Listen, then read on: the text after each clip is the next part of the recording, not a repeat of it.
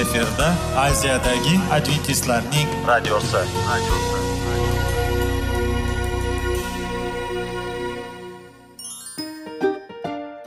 Assalomu alaykum aziz radio tinglovchilar. Sog'liq daqiqasi rubrikasiga xush kelibsiz. Zero tananing sog'lom bo'lishi va uning kasalliklardan saqlash har bir insonning burchi hisoblanadi. Inson uchun bebaho boylik bu sog'liq salomatlikdir. Uni asrash esa har birimizga omonat qilib berilgan. Shuning uchun ham inson o'z sog'lig'ini ehtiyot qilishi va ajib amallardan hisoblanadi. Dono xalqimiz sog'liq tuman boylik deb bejiz aytmagan. Aql idroq sohibi bo'lgan inson o'z hayotini qadrlashi lozim bo'ladi. Hozirgi kunda qanchalik dori darmonlar ko'paymasin tibbiy muassa sifati shifokorlar vasiyasi tibbiy texnika yaxshilanmasin. Agar insonning o'z salomatligi haqida qayg'urmasa kutilgan natijaga erishib bo'lmaydi va biz sizlarga bizning dasturimizga xush kelibsiz deymiz.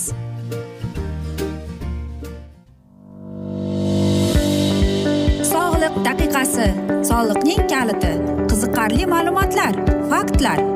Har kuni siz uchun foydali maslahatlar. Sog'liq daqiqasi rubrikasi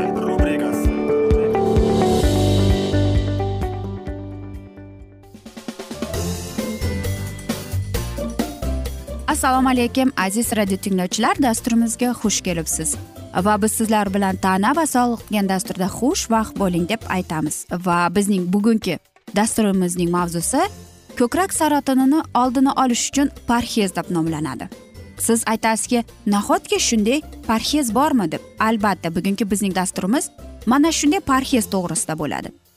Aziz ayollarimiz siz bilarmidingiz e, jahon sog'liqni saqlash tashkiloti shu munosabat bilan yerda yer shahrida saraton kasalligi to'lqini bilan to'qnashayotgan bir aytaylik eng katta. Ya'ni o'tgan yili qarang taxminan o'n to'rt million kishiga saraton tashxisi qo'yilgan. Xalqaro tashkilotning bashorat qilishicha ikki ming yigirma beshinchi yilga borib bu o'n to'qqiz millionga oshib ketar ekan. ikki ming o'ttizinchi yilda esa yigirma ikki millionga ikki ming o'ttiz beshinchi yilga borib esa yigirma to'rt millionga yetishi mumkin bo'lib qolar ekan. Bu nima bo'ladi? Ayollarda bu kech turmushga chiqish kam bola tug'ish va ko'krak suti berib boqmaslik bu ham kasallikni paydo qiluvchi bir sabablardan biri bo'ladi. Qanday qilib biz o'zimizni ko'krak saratonidan saqlab qolishimiz mumkin? Buning qanday qilib mahsulotlarini? Qarangki shifokorlarning aytishicha go'sht baliq e, va sut mahsulotlarini iste'mol qilishni qisqartirish kerak ekan. Ko'krak bezi saratonini asosiy gormon terapiyasi bu dori darmonlarga moslashdan hamda kasallikning takrorlanishi yoki tarqalish ehtimolini kamaytirishga yordam beradi. Gartvard medikal e, maktabida tadqiqotchilari hayvon oksilida ko'p miqdorda mavjud bo'lgan ozuqa moddalarining lyusenlari va tamaksifen dorisiga qarshi saratonning chidamli e, va o'smalari bilan kutilmagan aloqasi aniqladi. Natijalar tibbiy tekshiruvlardan o'tkazilgandan kerak ammo ular asosan lyusin miqdori ko'p bo'lgan o'simlik aksiyalari bilan dietaga o'tish davom ettirishni ko'rsatadi. E, va bu tamaksifen o'z ta'sirini uzoq vaqt davomida samarali saqlashi mumkin ekan. Ko'krak bezi saratoniga chalingan bemorlarning beshtadan to'rttasi bu ayollik gormoni astrogenni o'sish signaliga judayam sezilarli darajada bo'lib kelar ekan. Tamaksifen ushbu signallarni bloklash va kasallikning tananing boshqa qismlariga tarqalishi yoki metastaz qilinishini oldini olish uchun ishlatiladi. Saratonni tamaksifenga chidamli yana tamaksifenning saratonga ta'siri kam bo'lgan bemorlarda hayot davomiyligi tabiiyki uzun bo'lmaydi. Tadqiqot natijalariga ko'ra e, leusin darajasi past dietada ko'krak bezi saratoni bilan kasallangan bemorlar uchun foydali bo'lishi mumkin deydi doktor mutxusfami bunday dieta mantiqiy ravishda go'sht va sut mahsulotlarini iste'mol qilishni qisqartirish bilan boshlanishi mumkin. Chunki hayvon aksillari sabzavotli aksillardan ko'ra ko'proq lyusin o'z ichiga oladi deydi u. Shuni ham ta'kidlab o'tish kerakki soya va yong'oqlar ham lyusinning boy manbalari hisoblanadi. Angliyada olib borilgan tadqiqotlar shuni ko'rsatdiki muntazam ravishda qizil yoki qayta ishlangan go'sht iste'moli hatto ichak saratoni rivojlanishini xavfini ham oshirishi mumkin ekan. Ko'krak bezi saratoni xayriya jamg'armasining tadqiqotchisi rachel xanning aytishicha dastlabki natijalar hayajonli bo'lgan ammo ratsionda lyusinning saratonga bo'lgan ta'siri haqida keng tushuncha ko'proq ishlash kerak deb aytadi. Ayni paytda e, barcha ko'krak bezi saratonga chalingan bemorlar kasallik davrida va undan keyin sog'lom va muvozanatli dietani saqlashga harakat qilishlarini tavsiya etamiz deydi u. Ba'zi lyusenning boy manbalari bo'lishi e, bo'lgan aksillarning turli shakllari ya'ni sog'lom ovqatlanishning ajralmas qismi bo'lib hujayralarimiz hayotiy vazifalarni bajarishga imkon beradi. Tamoksifen kabi gormonlarni davolashga qarshilik ko'rsatish tibbiyotda juda muammo bo'lib qolmoqda. Va ko'krak bezi saratoni bilan kasallangan ayollarni o'limi kamaytirish uchun uni yengib o'tish yo'llarini topish juda muhimdir deya u so'zlarni tugatadi. Ko'krak beziga olib keluvchi ushbu xavf omillarini o'zgartirib bo'lmaydi ammo siz boshqara olishingiz mumkin bo'lgan boshqa omillar ham bor. Bular semirishning oldini olish jismoniy mashq qilishda hamda spirtli ichimliklarni iste'mol qilishni cheklashdir. Ko'krak bezi saratoni belgilari hamda bularning hammasi har xil bo'lishi mumkin. Biz o'ylaymizki qanday? Odatda kasallikning ilk etaplarida uning belgilarini mammogrammasiz aniqlab bo'lmaydi ammo ayrim belgilar shifokorga ko'rinish zarurligidan darak beradi. Ko'krak yoki qo'ltiq osti shishlar mavjudligi e, yoki uning qandaydir o'zgarishi ko'krak uchidan qon yoki suyuqlik ajralishi kasallikning asosiy belgilaridir. Doktor chagrbanning aytishicha ko'krak bezi saratoni ko'p hollarda hech qanday og'riqqa sabab bo'lmaydi ba'zida esa og'riydigan shishlar beziyon bo'ladi. Aziz do'stlar oxirida aytmoqchimanki sizlarga bilasizmi bir gap bor. Siz nima yesangiz siz o'shasiz degan gap bor. Shuning uchun oddiy xulosa qilamiz. Sog'lig'ingiz va sizning kasalliklaringiz siz nima iste'mol qilsangiz shundan kelib chiqadi. Saratonga qarshi kurashda esa farmakologiya hayotning mohiyati bo'lgan oddiy ovqatlar yordam beradi. Mutaxassislarning aytaylik quyidagilarga rioya qilishingizni tavsiya qilishadi. Har bir qoida bo'lishi kerak. Har doim tarelkangizda sabzavot mahsulotlarining ikkidan uch qismi va birdan uchdan oshmasligi kerak oksil ushbu tavsiyalaringizni tinglang va dietangizga kerakli o'zgarishlarni kiriting. Aziz do'stlar va hayotingiz va sog'lig'ingiz hech qachon dahshatli tashxislar bilan tahdid qilmasin deb qolamiz. Va albatta mana shunday asnoda biz afsuski bugungi dasturimizni yakunlab qolamiz chunki bizning dasturimizga vaqt birozgina chetlatilgani sababli. Ammo lekin sizlarda savollar tug'ilgan bo'lsa biz sizlarni salomat klub internet saytimizga taklif qilib qolamiz. Va men umid qilaman siz bizni tark etmaysiz deb chunki oldinda bundanda qiziq va foydali dasturlar kutib kelmoqda. Va albatta biz sizlarga va yaqinlaringizga o'zingizni ehtiyot qiling deb sog'lik salomatlik tilab qolamiz.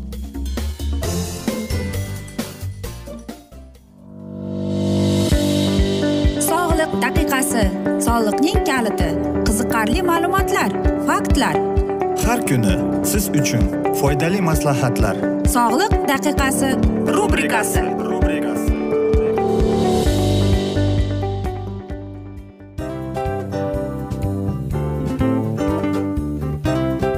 Mana ha hayotda hamma narsaning yaxshi narsalar tugaydi va yakunlaydi degandek bizning dasturimizga ham yakun keldi.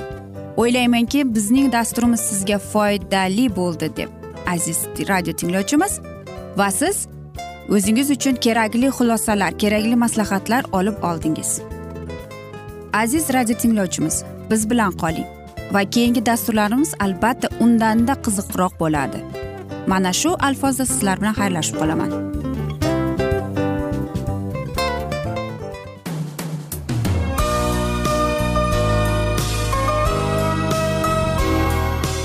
Efirda aziyadagi adventistlarning radiosi.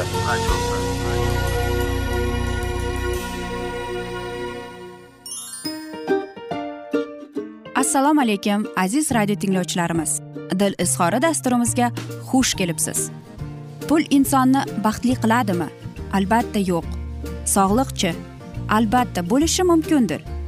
Lekin olimlar shuni isbotlashdiki to'liq va mukammal munosabatlar insonlarni baxtli qilar ekan. Albatta biz hayot davomida biz yaqin insonlar bilan odamlar bilan aloqada bo'lamiz va ular bilan munosabatlarimiz qanday kechadi qanday tuziladi? Yigit va qiz er va xotin ota ona va farzandlar va yaqin insonlar bilan.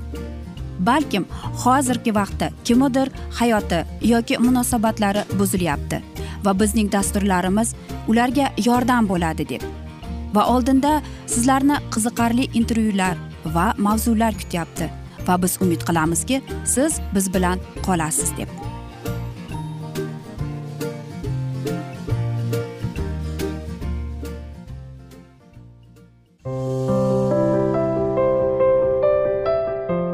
Kuni har xil kasbdagi odamlar bilan sirlashish va bo'lishish sevgi rashq munosabat bularni hammasi dil izhori rubrikasida.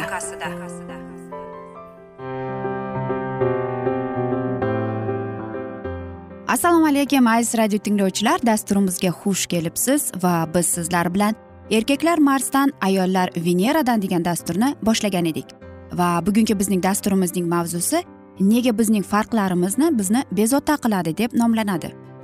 Albatta biz bir birimizdan farqlarimiz bor ammo lekin u bizni bezovta qilishni bilarmidingiz? Nega bunday bo'ladi va bularning sabablarini ko'rib biz tushunishimiz mumkin. Nega erkak va ayollar ular bir biriga intiladi? Qanchalik bir biriga ular hurmat bilan qaraydi bir birini sevishadi? Ammo lekin keyinchalik ular ajralib ketadi. Nega bunday bo'lgan deb savol berishingiz mumkin. Albatta munosabatlarning boshida ikkala juftlik ham er xotin ham yoki sevishganlar ular bir biriga aytaylik o'zining yaxshi tomonini ko'rsatishni istab qoladi va o'sha insonning ko'nglini olishga harakat qilib ko'radi. Ammo lekin qanchalik ularning munosabati chuqurlashib bormasin ularning bir biriga bo'lgan mana shunday farqliliklar ularni bezovta qila boshlaydi. Yoki ular bir birini o'zgartirishga harakat qiladi yoki oddiy til bilan aytib ko'rganda buni tarbiyalaydi deydi. Ayniqsa bu odat ko'proq ayollarga munosib chunki ayollar erkaklarni o'zgartirishga harakat qilib ko'radi. Lekin qanchalik bu noto'g'rigini tushunarmikin? Keling bugun biz sizlar bilan mana shularning sirini aytib beramiz.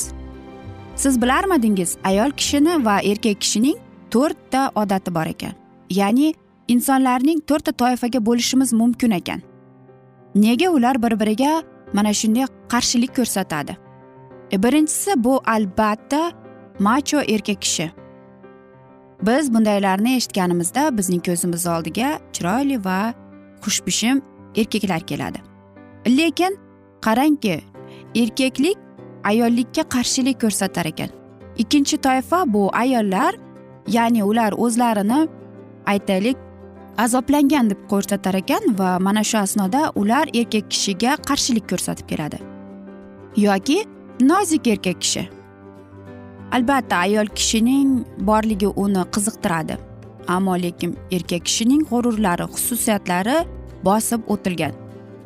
Va yana bir to'rtinchi toifa bu albatta mustaqil ayol. Mana shunday ayolni biz ko'rganimizda yoki mana shunday ayollar haqida eshitganimizda bizga boshqa bir kuchli va irodali ayol ko'zimizni oldiga keladi. Mana shunday ayollarda erkak kishining odatlari xususiyatlari ko'p bo'ladi. Lekin ayollik go'zalligi yo'q bo'lib qolgan bo'ladi.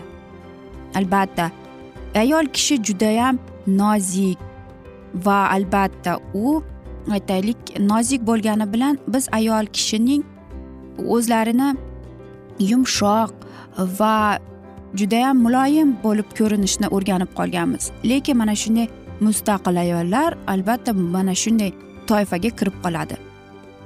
Men o'ylaymanki siz nega bunday haqida suhbat qilyapmiz deb. Albatta qarang ba'zida biz ko'ramizki mana shunday odatni bir erkakni ko'ramiz. Unda ayol kishining xususiyatlari bor. Va nega deymizmi? Qarang. Qaysi erkak kishi va ayol kishi uchrashib yurganda va erkak kishi ayol kishining ko'nglini olaman deb yoki unga yoqaman deb hamma narsasini qilib keladi. Va mana shunday erkaklarni biz nozik tabiatdan deb aytamiz. Ular ko'p shikoyat qiladiki bu ayollarga yoqar ekan. Ammo lekin unchalik yoqimli emas. Albatta bunday erkaklar e, do'stlashishni biladi. Ammo lekin ayol kishiga bu narsa kerak emas. Yoki aytaylik ayollarimizga shunday erkaklar yoqadi. Aytaylik u mustaqil bo'lsin va albatta chiroyli bo'lsin deymiz. Va mana shunday ayollar ular boshidan boshqarishni xohlaydi. Va albatta hech kimga bo'ysunmaydi ham. Agar ayol kishiga mana shunday mustaqil ayol nozik erkak bilan munosabatlarni boshlasa va qarangki qaysidir bir ma'lum vaqt o'tgandan keyin unda ayol kishining xususiyatlari paydo bo'lib keladi. Chunki vaqt o'tgandan keyin ayol kishi yolg'iz bo'lganda u ayniqsa mustaqil ayollarda mana shunday xususiyatlar ko'p uchrab qoladi. Ular ayollik manligini bosib qo'yadi va qanchalik u nozik erkak bilan uchrashsa o'shanchalik unda ayollik xususiyatlari ko'payib keladi. Va mana shu asnoda u aytadiki menga haqiqiy erkak kishi kerak deb aytadi. Ammo lekin u tushunmaydiki unga bunday erkakning keragi ham yo'q. Va u bu narsani qabul qilmaydi ham. Nega bunday bo'lyapti deymizmi? Bu albatta tabiatdan kelib chiqqan narsa biz erkak va ayollar har xilmiz. Bizning farqliq nima bor. E, lekin biz mana shu farqlikni qabul qilamizmi yoki yo'qmi? Albatta qaysidir bir ma'noda erkakka boshqa ayol yoqadi yoki ayol kishiga aytaylik kuchli xushbichim yigitlar yoqadi. Ammo lekin shu borada unga yana nima bo'lishi kerak? Albatta g'amxo'r e'tiborli erkak bo'lishi kerak deydi erkak kishi esa mustaqil ayolni yoqtiradi. Aziz do'stlar mana shunday asnoda qarang insonlarning to'rt toifasi borligini bugun o'qib eshitdik. Va erkak kishidan machodan tortib to nozik erkakgacha borligida yoki ayollarning o'zlarini azobli va albatta mustaqil ayollar toifasi borligini o'qib eshittirdik. Va afsuski bugungi mana shunday dasturimizni yakunlashimizga to'g'ri kelib qoldi chunki bizning dasturimizga vaqt birozgina chetlatilgani sababli. Ammo lekin keyingi dasturlarda albatta mana shu mavzuni yana o'qib eshittiramiz. Va biz umid qilamizki siz bizni tark etmaysiz deb. Chunki oldinda bundanda qiziq va foydali dasturlar kutib kelmoqda. Va biz sizlarga va oilangizga tinchlik tilagan holda xayrlashib qolamiz.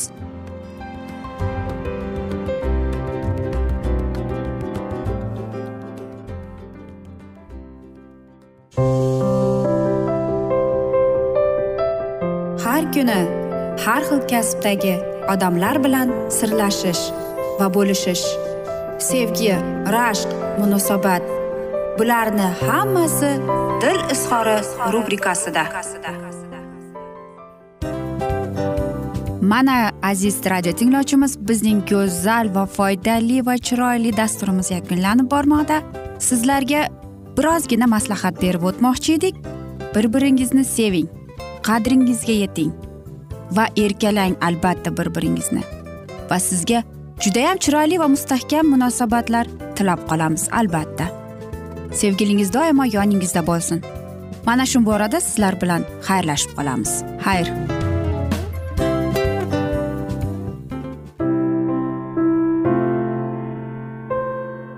Hayotning noni. Qiziqtirgan savollar va javoblar.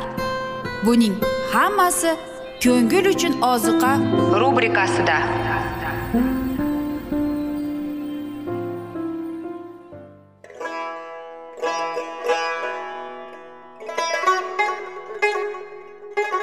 Assalomu alaykum aziz radio tinglovchilarimiz.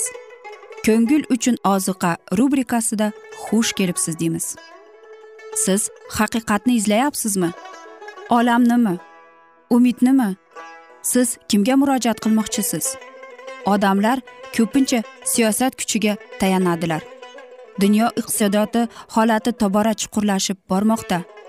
Tabiiy ofatlar va texnogen halokatlar minglab insonlarning hayotini olib ketib juda katta zarar yetkazmoqda. Sizga abadiy hayot inomini hadya qiluvchi va hayotingizni tubdan o'zgartiruvchi haqiqatni izlab toping. Xudo haqidagi haqiqat uning kalomida mujassamlashgan. Kimki bu haqiqatni butun qalbi bilan izlasa albatta unga yetishadi. Bu sevgi xudoning tarixidir. Hayotingizda yoki sizning yon atrofingizdagi olamda nimalar yuz berishidan qat'iy nazar? Siz ertagi kunga buyuk umid va ishonch hosil qilishingiz mumkin. Hozirda xudo sizga taklif qilayotgan umid ishonchga o'z qalbingizni oching va sizni qiziqtirayotgan mavzularni savollaringizga javoblaringizni topib olasiz deb umid qilamiz. Biz bilan qoling.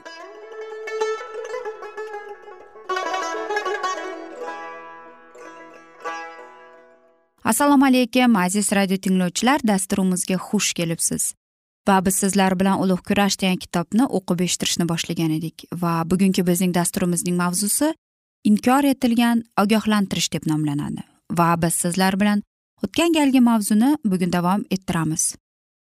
O'zini protestant jamoat deb atovchi har bir jamoatda xuddi shunday holat yuz berganmi?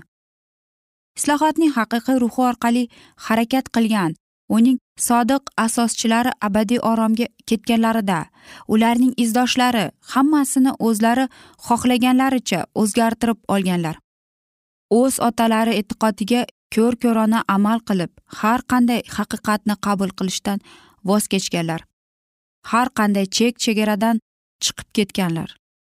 Ular hattoki islohotchilar avlodi o'z ota bobolariga kamtarlikda o'z manfaatlaridan ixtiyoriy ravishda voz kechishda dunyoni inkor etishda aslo o'xshamasliklarini tan oladilar. Shu yosida dastlabki kamtarlik soddalik yo'q bo'lib ketdi. Jamoatda otilib kirgan dunyoviy oqim unga o'zining marosimlarini urf odatlari va o'z sanamlarini olib keldi. Afsus masih izdoshlarining bu dunyo bilan do'stlashishi ya'ni xudoga qarshi chiqish hozirgi vaqtda tobora mustahkamlanib bormoqda. Butun dunyo tan olgan jamoatlar kamtarlikda soddadillik va taqvodorlikda muqaddas kitob tartib qoidalardan naqadar uzoqlashib ketdilar. Jon uesli pulni to'g'ri ishlatish haqida shunday deydi. Ko'zlarning jahvoniy nafsini qondirish va quvontirish uchun bir tiyin pul sarf sarflamang shu jumladan bashang kiyinishga yoki kerak bo'lmagan zebu ziynatga. Dang'ilama uylar kurib qurib ularni bezatishga. Qimmatbaho uy jihozlariga qimmat rasmlarga tilla buyumlarga va hokazo bir tiyin ham ishlatmang deydi. Manmanlik qilmang. Boshqalarning diqqat e'tiborini o'zingizga qaratishga va hurmatini qozonishga intilmang. O'zingizga ortiqcha erk bermang. Siz faqat o'zingiz uchun harakat qilganingizda odamlar siz haqingizda faqatgina yaxshi gapiradilar. Siz parfiro va visonlarni kiyib olib ajoyib bazmlar ko'rganingizda shubhasiz ko'plab odamlar sizning nozik didingizni sizning sayhligingizni va mehmondo'stligingizni maqtaydilar. Lekin siz ularning bunday maqtovlariga uchmang chunki ularning ko'plab quvvatlashish o'zingizga nihoyatda qimmatga tushadi. Undan ko'ra egam xudoning tahsiniga sazovor bo'lib qanoat hosil qiling. Biroq hozirgi zamon jamoatlarida ushbu pand nasihatga hech qanday e'tibor berilmayapti. Dunyo ko'plab odamlar u yoki bu e'tiqodga amal qiladilar va bo'ysunadilar. Hokimlar siyosatchilar qonunshunoslar olimlar tijoratchilar jamiyatning ishonchini hurmatini qozonish va o'z moddiy boyliklarini ko'paytirib borish maqsadida jamoatga qo'shiladilar. O'zlarini masihiy deb e'lon qilib shu yo'l orqali ular johilona maqsadlarini masihiylik niqobi bilan bekinadilar. Turli diniy uyushmalarning qudrati bu kabi a'zolarning ta'siri va boyligiga tayanadi. Gavjum ko'chalarda ko'rkam go'zal qilib bezatilgan ibodatxonalar ham qad ko'tarmoqda. Ana shunday ibodatxonalarga loyiq tarzda boy va badavlat zamonaviy tarzda kiyingan a'zolar qatnaydilar. Tinglovchilarni o'ziga jalb etib ularning vaqtini choq qilgani uchun mohir kavmboshiga katta ish haqi to'lanadi. Gunohlarni fosh etish undan talab qilinmaydi. Uning va'zi har bir tinglovchini yupatadigan va tinchlantiradigan ohang sifatida yangrashi darhol. Shunday yo'l bilan gunohlari hammaga ma'lum bo'lgan fosihlar jamoat ro'yxatiga kiritiladilar. Ularning ayblari esa taqvodorlik niqobi ostida qoladi. Hozirgi zamon e, masihiylarning dunyoga bo'lgan munosabati haqida ko'zga ko'ringan va aristokratlariga oid jurnallardan biri shunday yozadi. Kishi bilmas tarzda jamoat vaqt ruhiga bo'ysundi va o'z xizmatini zamonaviy talablarga ko'ra moslashtirdi. Jamoat hozirgi vaqtda dinni jozibali qilish uchun barcha vositalarni ishga solmoqda. Nyu yorkdagi interpent e, jurnali metodizm haqida mana nima deydi? Xudodan qo'rqadigan odamlar va xudosizlar o'rtasidagi farqlovchi qat'iy chiziq maynshallashib yo'q bo'lib ketmoqda. Ikkala lagerdagi jonkuyar va jonbos odamlar o'zlarining xulq atrofdagi urf odatlaridagi har qanday farqni bartaraf qilish uchun qo'llaridan kelgan ishni amalga oshirishga intilmoqdalar. E'tiqodning mashhurligi uning afzalliklaridan foydalanishni xohlayotganlar ammo o'z masihiylik burchini ado etishni istamayotganlar hisobiga o'sib boradi. Horvard krospi e, shunday deb yozgan masih jamoati xudoning maqsad va ishonchini kamdan kam holatda oqlayotgandi. Bizni jiddiy tashvishga soladi. Qadimda yahudiylar majusiy xalqlar bilan yaqin munosabatlarda bo'lib xudoga va uning haqiqatiga nisbatan ixloslari qaytib borgani singari hozirda masih jamoati ham nopok dunyo bilan do'stlashib xudoning taqvodorlarcha hayot tamomiylarini tobora kamsitirib bormoqda. Iymonsiz jamoatning zararli illatlarini o'zlashtirib bormoqda. Aziz do'stlar mana shunday asnoda biz afsuski bugungi dasturimizni yakunlab qolamiz chunki bizning dasturimizga vaqt birozgina chetlatilgani sababli. Ammo lekin aziz do'stlar sizlarda savollar tug'ilgan bo'lsa biz sizlarni adventis tochka ru internet saytimizga taklif qilib qolamiz. Va biz umid qilamizki siz va yaqinlaringizni ehtiyot qilib va biz sizlarga sog'lik salomatlik tilab va albatta yuzingizdan tabassum hech ham ayrimasin deb xayr deymiz.